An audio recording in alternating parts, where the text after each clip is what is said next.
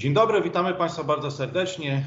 Dzisiaj naszym gościem będzie komentator, którego oceny, diagnozy są często być może odmienne od tego, co słyszymy gdzieś w przestrzeni publicznej, ale za to bardzo często trafne. Jest nim Wojciech Szewko. Witam Pana bardzo serdecznie. Witam Pana. Robił Pan wiele ciekawych rzeczy w życiu, więc może już nie będę przedstawiał, bo i tak bym nie dał rady o wszystkich opowiedzieć. W związku z tym może od razu przejdę do pierwszego pytania. Jak Pan ocenia aktualny stan gry na Ukrainie i aktualną sytuację na froncie? Jak Pan to postrzega? To jest dosyć skomplikowane albo bardzo duże, bardzo szerokie pytanie, więc można by o nim opowiadać, na nie odpowiadać bardzo długo, ale wydaje mi się, że chyba skupimy się na takich podstawowych kilku punktach. No więc pierwszy punkt jest taki, że Rosja po tym szoku pierwszych kilku dni zaczyna zmieniać swoją taktykę na polu walki i zmieniła również swoją taktykę na polu walki dyplomatycznej oraz propagandowej. W związku z tym no, ta, to pole gry wojskowe wygląda mniej więcej w ten sposób, tak w dużym skrócie, że na samym początku Rosjanie prawdopodobnie wychodząc z całkowicie mylnych założeń, nazwijmy to polityczno-społecznych, nawet nie wojskowych, byli przekonani o tym, że inwazja będzie wyglądała tak jak 2014 rok na Krymie, czyli ludność witająca kwiatami, żołnierze ukraińscy niewalczący albo zamykający się w koszarach, poddający się, prawda, i tak dalej. Czyli pańskim, pańskim zdaniem, przepraszam, że tak wejdę w słowo, ale to jest moje drugie pytanie. Właściwie pan już na nie odpowiada, że bazowym scenariuszem dla Rosjan był Blitzkrieg. Właściwie to nawet nie Blitzkrieg, bo to trudno powiedzieć. No Blitzkrieg zakładał jednak błyskawiczną wojnę, a oni prawdopodobnie rzeczywiście, przynajmniej na, na wschodzie Ukrainy, tam gdzie mieliśmy do czynienia z takimi spektakularnymi również zwycięstwami ukraińskimi, gdzie całe kolumny wojska nie zdobywały miejscowości, nawet nie zatykały rosyjskich flag, po prostu przejeżdżały sobie w, na, w dużej prędkości jechały drogami w kierunku Kijowa. One potem były oczywiście zatrzymywane, niszczone przez, przez Ukraińców, czy też brakowało im często paliwa, bo zakładali prawdopodobnie, że, że to jednak nie będzie przebiegało tak szybko.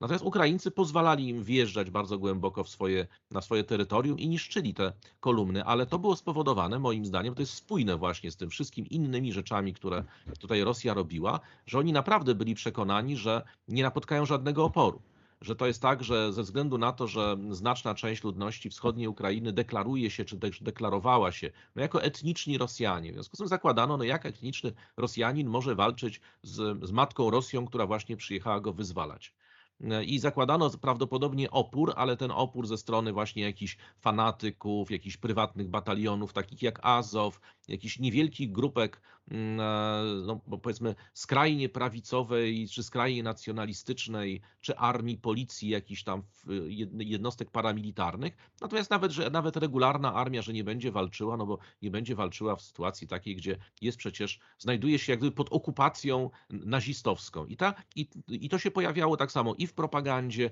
no i właśnie taka sama taktyka wojskowa, gdzie te kolumny na przykład jechały bez wsparcia helikopterów, co obserwowaliśmy w Syrii, czyli to nie jest tak, że Rosjanie nie znają tej taktyki. Tam, gdzie jest, wiedzieli, że za każdym krzakiem może się ktoś czaić z RPG czy z jakimś innym pancerfaustem, to tam były rzeczywiście, to, to oni e, poruszają się w kolumnach, te kolumny mają zwiat, te kolumny mają wsparcie z powietrza i rzeczywiście ciężko jest ich tam zaatakować. Tutaj przyjechali po prostu tak jak na paradę.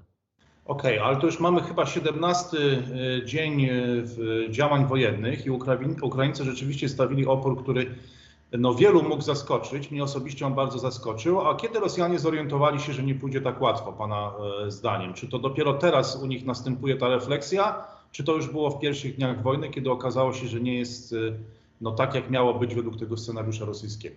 Wydaje mi się, że to był jakiś piąty, siódmy dzień wojny. To był ten moment, kiedy oni się zorientowali, że szczególnie na tych terytoriach, to jest taka też ciekawostka, na tych terytoriach, na których zakładali, że wjadą tak jak do siebie, na przykład Charków, Sumy, to są chyba najlepsze przykłady, Czernichów, ale przede wszystkim Charków i Sumy, czyli miasta, w które nawet ktoś e, e, mówił przed tym konfliktem, że w ogóle Charków jest przewidywany na tą ewentualną stolicę wschodniej Ukrainy, bo zakładano, że jest to najbardziej prorosyjskie miasto w ogóle w całym, e, w, w całej Ukrainie Ukrainie, a tu się okazuje, że jest to miasto, które się broni, w którym mamy hekatombę ofiar po stronie rosyjskiej, znaczy chyba jedne z większych strat, kolejne kolumny wojska niszczone i tak dalej. Więc z tego punktu widzenia absolutne zaskoczenie. I Rosjanie nie byli przygotowani na ten scenariusz w ogóle. I zanim się przygotują, czy też przygotowali, to minęło trochę czasu, ale mieliśmy również taką gwałtowną, mniej więcej w okolicach siódmego dnia to było, gwałtowną zmianę taktyki, co było gestem takim, można bym powiedział, rozpaczliwym trochę. To znaczy, A gdzie pan widzi przyczyny tego, że Rosjanie się przeliczyli i że nie przewidzieli tej sytuacji? No mamy jest- do czynienia... Tak. Błędna analityka, moim zdaniem. Błędna analityka, uwierzenie we własną propagandę. No, prawdę powiedziawszy, Zachód myślał dokładnie tak samo. Przecież to, że dostarczano tam ilości broni przeciwpancernej typu 100 javelinów czy, czy, czy, czy, czy 200 jakichś innych rakiet, zakładano, że wyśle się mało, bo i tak cała armia ukraińska się podda i odda to Rosjanom. To po co Rosjanom jeszcze oddawać na przykład te javeliny? I to było jeszcze przed samą, przed samą wojną. I proszę Czyli pana, zobaczyć. zdaniem, czyli pana zdaniem Ukraina zaskoczyła nie tylko Rosję, ale tak naprawdę właściwie cały świat, bo wszyscy zakładali Blitzkrieg, włącznie Tak. z Rosjanami. To też I jest niestety. To też jest niestety brak solidnych badań społecznych, bo prawdopodobnie gdyby ktoś przeprowadził rzetelne badania opinii publicznej, nie robione pod jakieś zamówienie polityczne, tylko takie prawdziwe, to pewnie z tego wyszłaby zupełnie inna postawa tych Ukraińców. No ale ponieważ takich badań na pewno nie zrobiono, a jeżeli zrobiono, to, to czy bardziej bazowano jak gdyby na doświadczeniach lat poprzednich niż na jakimś obiektywnym obrazie rzeczywistości. Ja jestem wszyscy- przekonany, że w FSB, czy kto tam nie odpowiada za analitykę e, społeczną w sąsiednich krajach, pewnie to będzie SVR, GRU, nie wiem, która z, która z tych służb jakby była kluczowa dla tych opracowań. No ale jeżeli zanalizowano to w ten sposób, to tam pewnie polecą głowy. Czyli pomyli, pomyliły się służby rosyjskie, ale właściwie wygląda na to, że wszyscy się pomylili, e, zakładając, że to jest ta sama Ukraina co w 2014 roku, jak, jak, jak, jak rozumiem, a okazało się inaczej. Czy pan zakłada, że ten opór społeczny, że to nastroje społeczne tu były decydujące w tym, że scenariusz Blitzkriegu nie mógł być zrealizowany? Tak, ponieważ e, mamy do czynienia z powszechną mobi- mobilizacją, mamy do czynienia z czymś, co utrzymuje Ukrainę, no bo przecież nie przewaga techniczna czy liczebna, tylko bardzo wysokie morale armii. Ta armia się prawie nigdzie nie poddaje, a przede wszystkim nie poddaje się ludność, ponieważ tylko na południu, czyli w okolicach Doniecka były przykłady pojedynczych miejscowości, gdzie władze miasta po prostu jak Rosjanie przyjeżdżali, to one poddawały te miasta, przechodziły na stronę rosyjską. Ale to są, ja obserwując, ja to mówię o tym na podstawie obserwacji rosyjskich kanałów. No jeżeli Rosjanie się chwalą tym w dwóch czy trzech miejscach, to znaczy, że całą, gdyby to było więcej, to na pewno by się tym pochwalili. A w A związku co, z tym. a co się stało takiego przez te 8 lat, że w dużej mierze jednak rosyjskojęzyczna część e, Ukrainy e, no, stawia taki, e, taki zaciekły opór? Co takiego się wydarzyło w ciągu tych 8 lat? Nie potrafi odpowiedzieć na to pytanie. To właśnie brak tych badań społecznych. No my nie wiemy tego. Znaczy możemy sobie domniemywać, że być może e, to jest jednak e, ta agresywna polityka Rosji, to, że Rosja jednak najechała.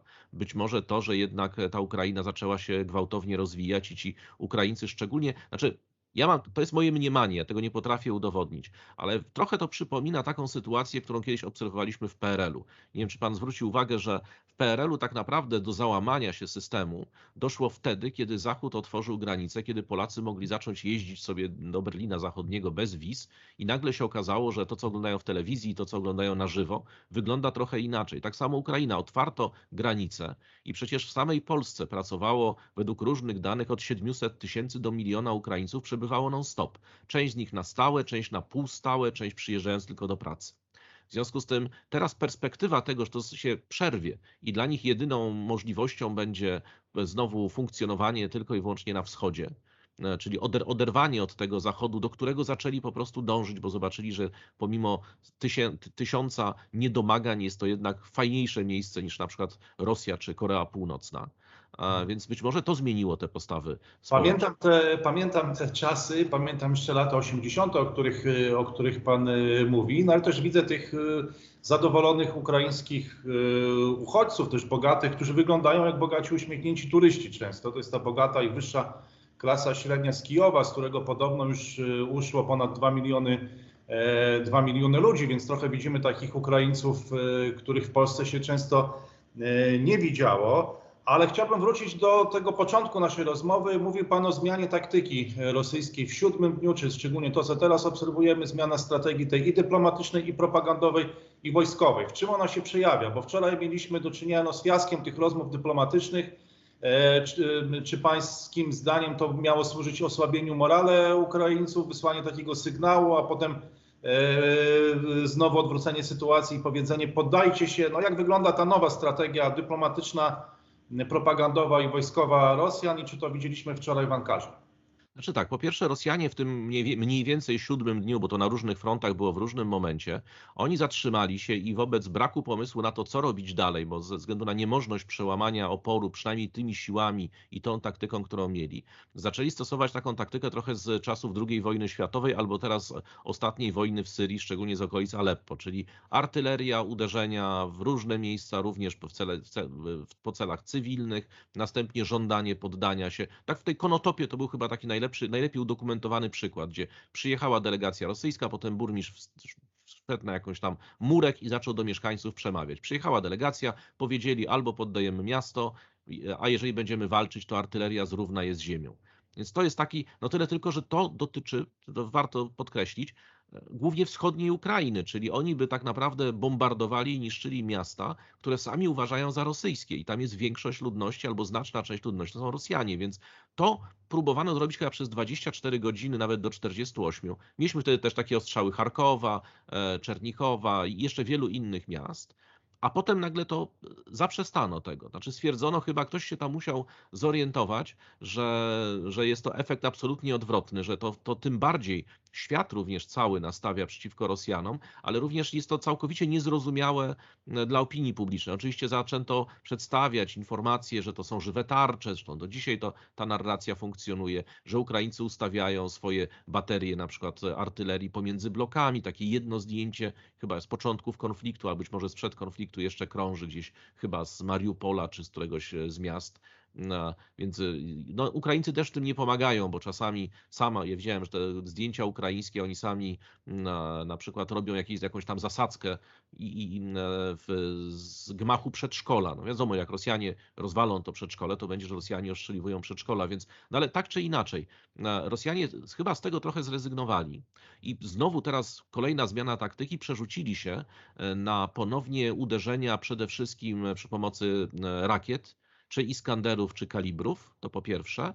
I po drugie bombardowania i niszczenie, no tak właśnie jak zakładano, że ta wojna będzie wyglądała, w takim trochę bardziej amerykańskim stylu, czyli krótko mówiąc zdalnie, bez narażania żołnierzy, niszczenie artylerii, niszczenie najpierw środków obrony przeciwlotniczej, którą Ukraińcy bardzo sprytnie cały czas używają, także nie dali sobie ich jeszcze zniszczyć do końca.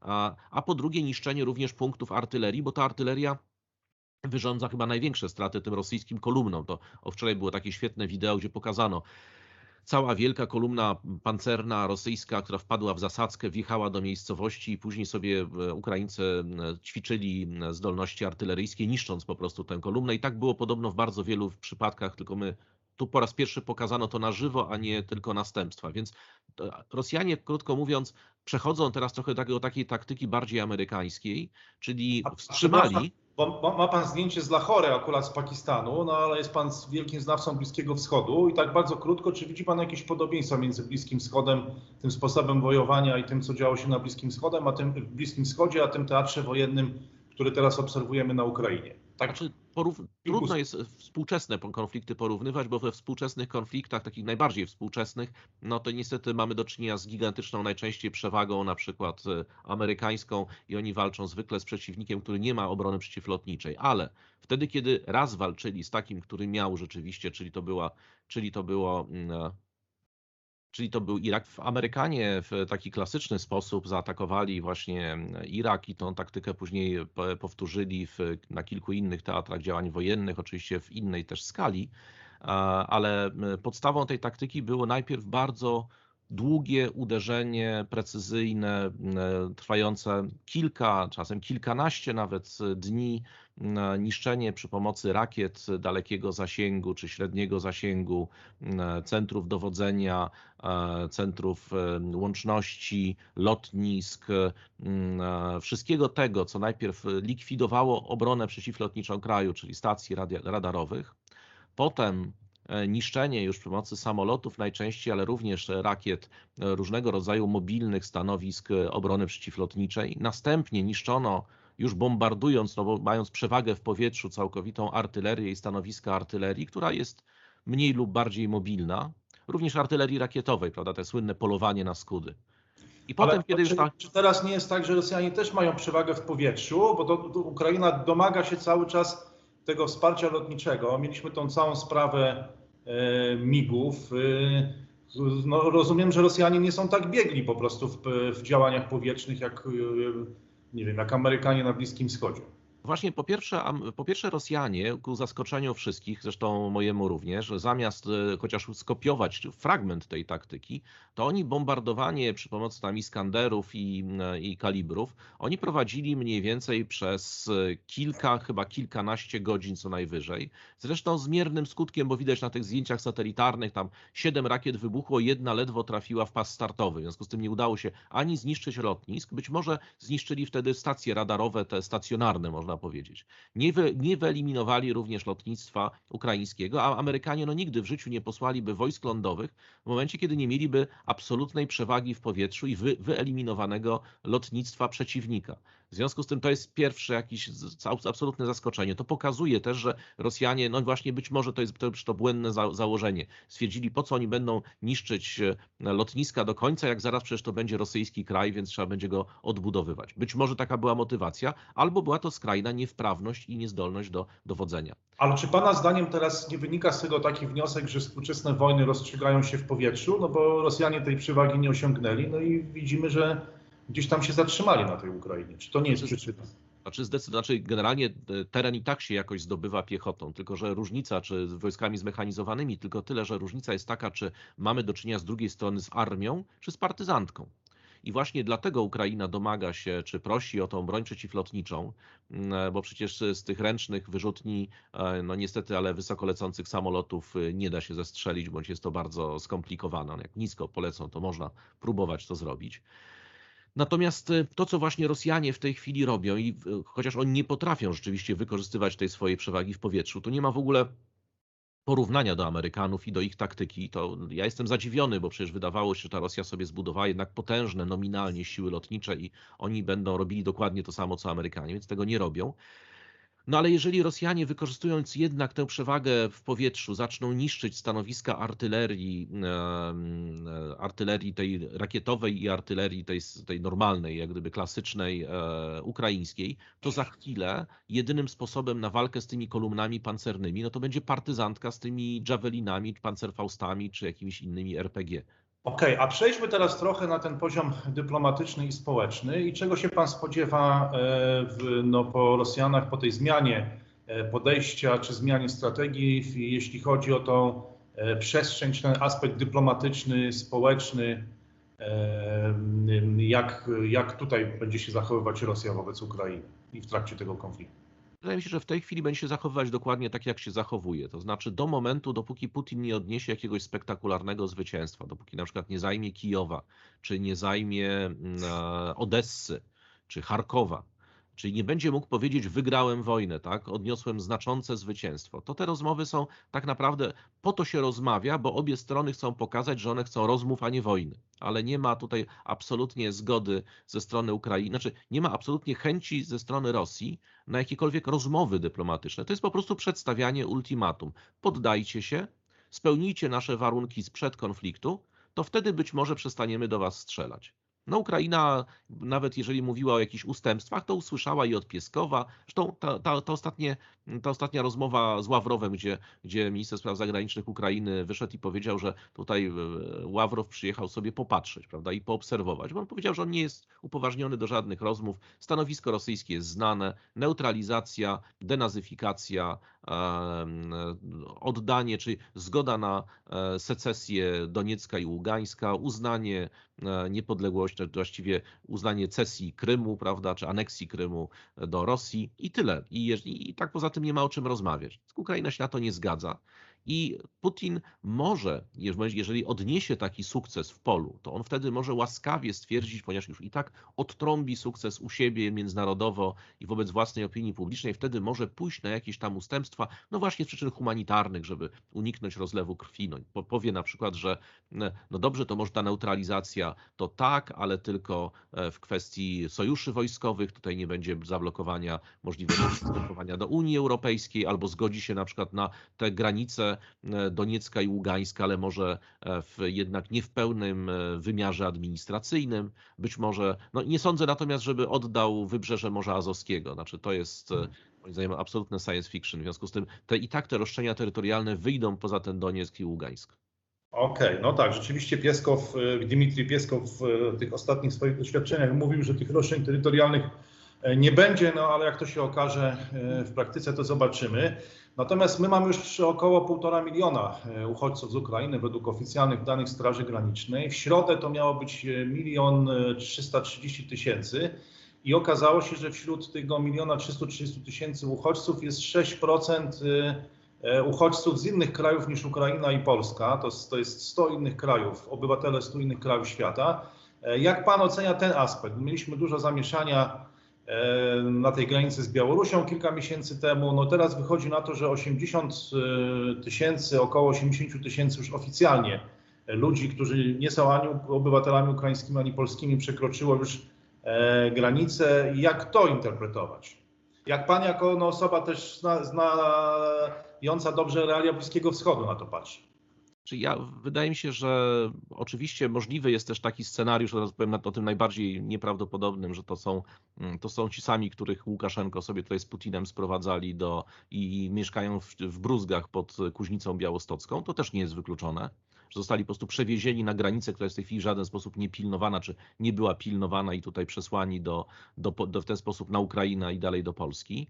Ale też e, pamiętajmy, że na Ukrainę przeniknęło bardzo, bardzo dużo migrantów, również tych nielegalnych i oni przecież też przekraczali sobie granice Unii Europejskiej, tylko może w mniej spektakularny sposób niż ci na granicy e, białoruskiej. Poza tym była jakaś tam grupa studentów, to podobno miało być kilka czy kilkanaście tysięcy, może nawet kilkadziesiąt tysięcy, niektórzy twierdzili.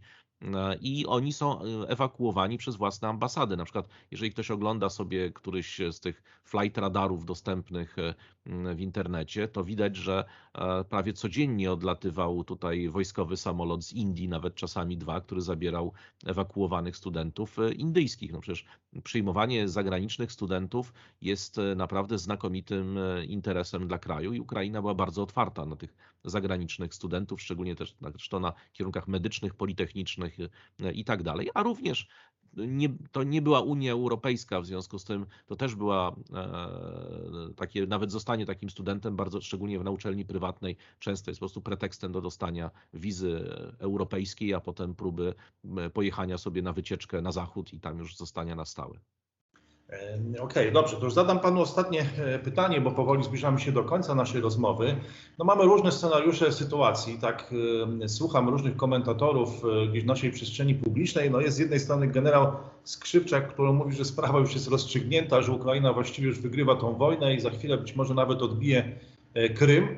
Z drugiej strony na przykład mamy Jarosława Wolskiego, no, który twierdzi, że Rosjanie E, jakby nie zrealizowali olbrzymiego potencjału e, swojej armii jeszcze, znaczy, że, e, że jeszcze tkwią tam spore rezerwy i że on się dziwi właściwie, dlaczego Rosjanie tego potencjału do tej pory nie zrealizowali. Czy pan uważa, która interpretacja jest panu bliższa? Znaczy, czy ta, że wygrywają Ukraińcy, że to jest już kwestia czasu, że Rosjanie są wyczerpani i to jest tam 2-3 dni, i będzie po sprawie, czy to, że istnieje, tego Jarosław Wolski nie powiedział, ale że istnieje możliwość zrealizowania tego potencjału przez Rosję i że będzie taka wyniszczająca, rozproszona wojna, że będzie obleganie tych miast, czekanie może na ten duży sukces, y, ale wyniszczanie i wykrwawianie tej Ukrainy, no, które jak się okazuje y, no, opiera się już 17 dzień, co jest ogromną chyba niespodzianką dla wszystkich. No ale że ta jednak przewaga Rosji weźmie górę i że to będzie takie wycieńczanie, pójście na, na wycieńczenie Ukrainy. Znaczy, wydaje mi się, że po tych kilkunastu dniach e, różnych błędów taktycznych, od mniej więcej 48 godzin obserwujemy już taką wojnę, jak prawdopodobnie winna była wyglądać. To znaczy w tym sensie, że Rosjanie ograniczają swoje straty, oni wstrzymali te szaleńcze rajdy, które się kończyły masakrami ich żołnierzy. Znaczy przesuwają się te wojska, oni próbują okrążyć Kijów, ale to nie jest jakby clue ich działań. Oni w tej chwili starają się skupić na zniszczeniu tak dużo, jak się tylko da z powietrza i z daleka, infrastruktury tej, która służy, infrastruktury punktów umocnionych, e, rakiet przeciwlotniczych. No, lotniska były teraz przecież w Łódzku na przykład było bombardowane. Chodzi o to, żeby wyeliminować e, Ukrainie możliwości korzystania z samolotów i z dronów, bo to one są jednak groźne i tych po kilka, kilkanaście TB2 jest zestrzeliwanych przez Rosjan, jak twierdzą. E, po drugie, e, po zdobyciu przewagi w powietrzu zacznie się polowanie na stanowiska obrony czy przeciwpancernej, czy, bo ja mówię o tej regularnej armii, nie o jakimś, e, jakiejś, jakiejś partyzantce i, i również artylerii i broni pancernej i to już też obserwowaliśmy, znaczy obserwowaliśmy, to z komunikatów wynika rosyjskich, że oni na przykład zniszczyli tam 11 punktów obrony, czy znaczy jednostek pancernych, czy obrony przeciwpancernej. Chodzi oczywiście o czołgi, krótko mówiąc, i artylerię. E, to jest, czyli to jest właśnie to, czego się Ukraińcy najbardziej obawiali, że jeżeli stracą przewagę w powietrzu, czy no, nie będą mieli e, bezpiecznego nieba, to Rosjanie właśnie zaczną robić to, co powinna robić armia e, walcząc w takim konflikcie. Czyli wykorzystywać właśnie chociażby tą swoją przewagę w powietrzu, czyli zdobycie przewagi w powietrzu, również te ostrzały ostatnio kalibrami pokazują, że już nie będą ryzykowali sobie lotów na niskiej wysokości Su-25, tylko raczej więcej będzie tych uderzeń rakietowych. E, okrążą, będą próbowali okrążyć Kijów e, i będą pewnie próbowali również okrążyć Charków albo zająć również ten, ten Charków. E, więc jakby z punktu widzenia tego, co się wydarzy, to wydaje mi się, że można powiedzieć tak trochę w skrócie, że Ukraina jeszcze nie przegrała tej wojny i Rosja jej jeszcze nie wygrała ale jeżeli Rosjanie będą dalej robili to, co robią w tej chwili, czyli będą sobie, tak jak trochę Amerykanie, prawda, czyli z daleka niszczyli, czy też ograniczając straty swoich kolumn pancernych, z daleka będą niszczyli wszystko to, co im zagraża po drodze, no to Ukraińcom za chwilę po prostu pozostanie tylko i wyłącznie ta partyzantka, znaczy partyzantka, to będzie piechota uzbrojona w jakieś javeliny, która jednak no, nie będzie stanowiła przeszkody dla, dla, dla armii, która E, tym bardziej, że poza tymi e, miastami wielkimi Rosjanie nie mają żadnego problemu, żeby używać masowo artylerii czy bombardowań. No tam nie ma ludzi z kamerami najczęściej. E, I tak samo jak z Kijowem. No Kijów może się bronić, no ale jeżeli ten Kijów zostanie otoczony, to potem jaki będzie scenariusz? No, jeżeli władze miasta pewnie spowodują, żeby jednak ludność cywilna wyszła którymkolwiek innym korytarzem, bo za chwilę nie będzie tam wody, prądu, jedzenia, będzie mieli głód, choroby i tak dalej. Więc to też każdy rozsądny przywódca będzie wiedział o tym, że, e, że e, rządzenie krajem, w którym nie ma ludności, to jest e, raczej średni, średni pomysł, średni sukces wojenny.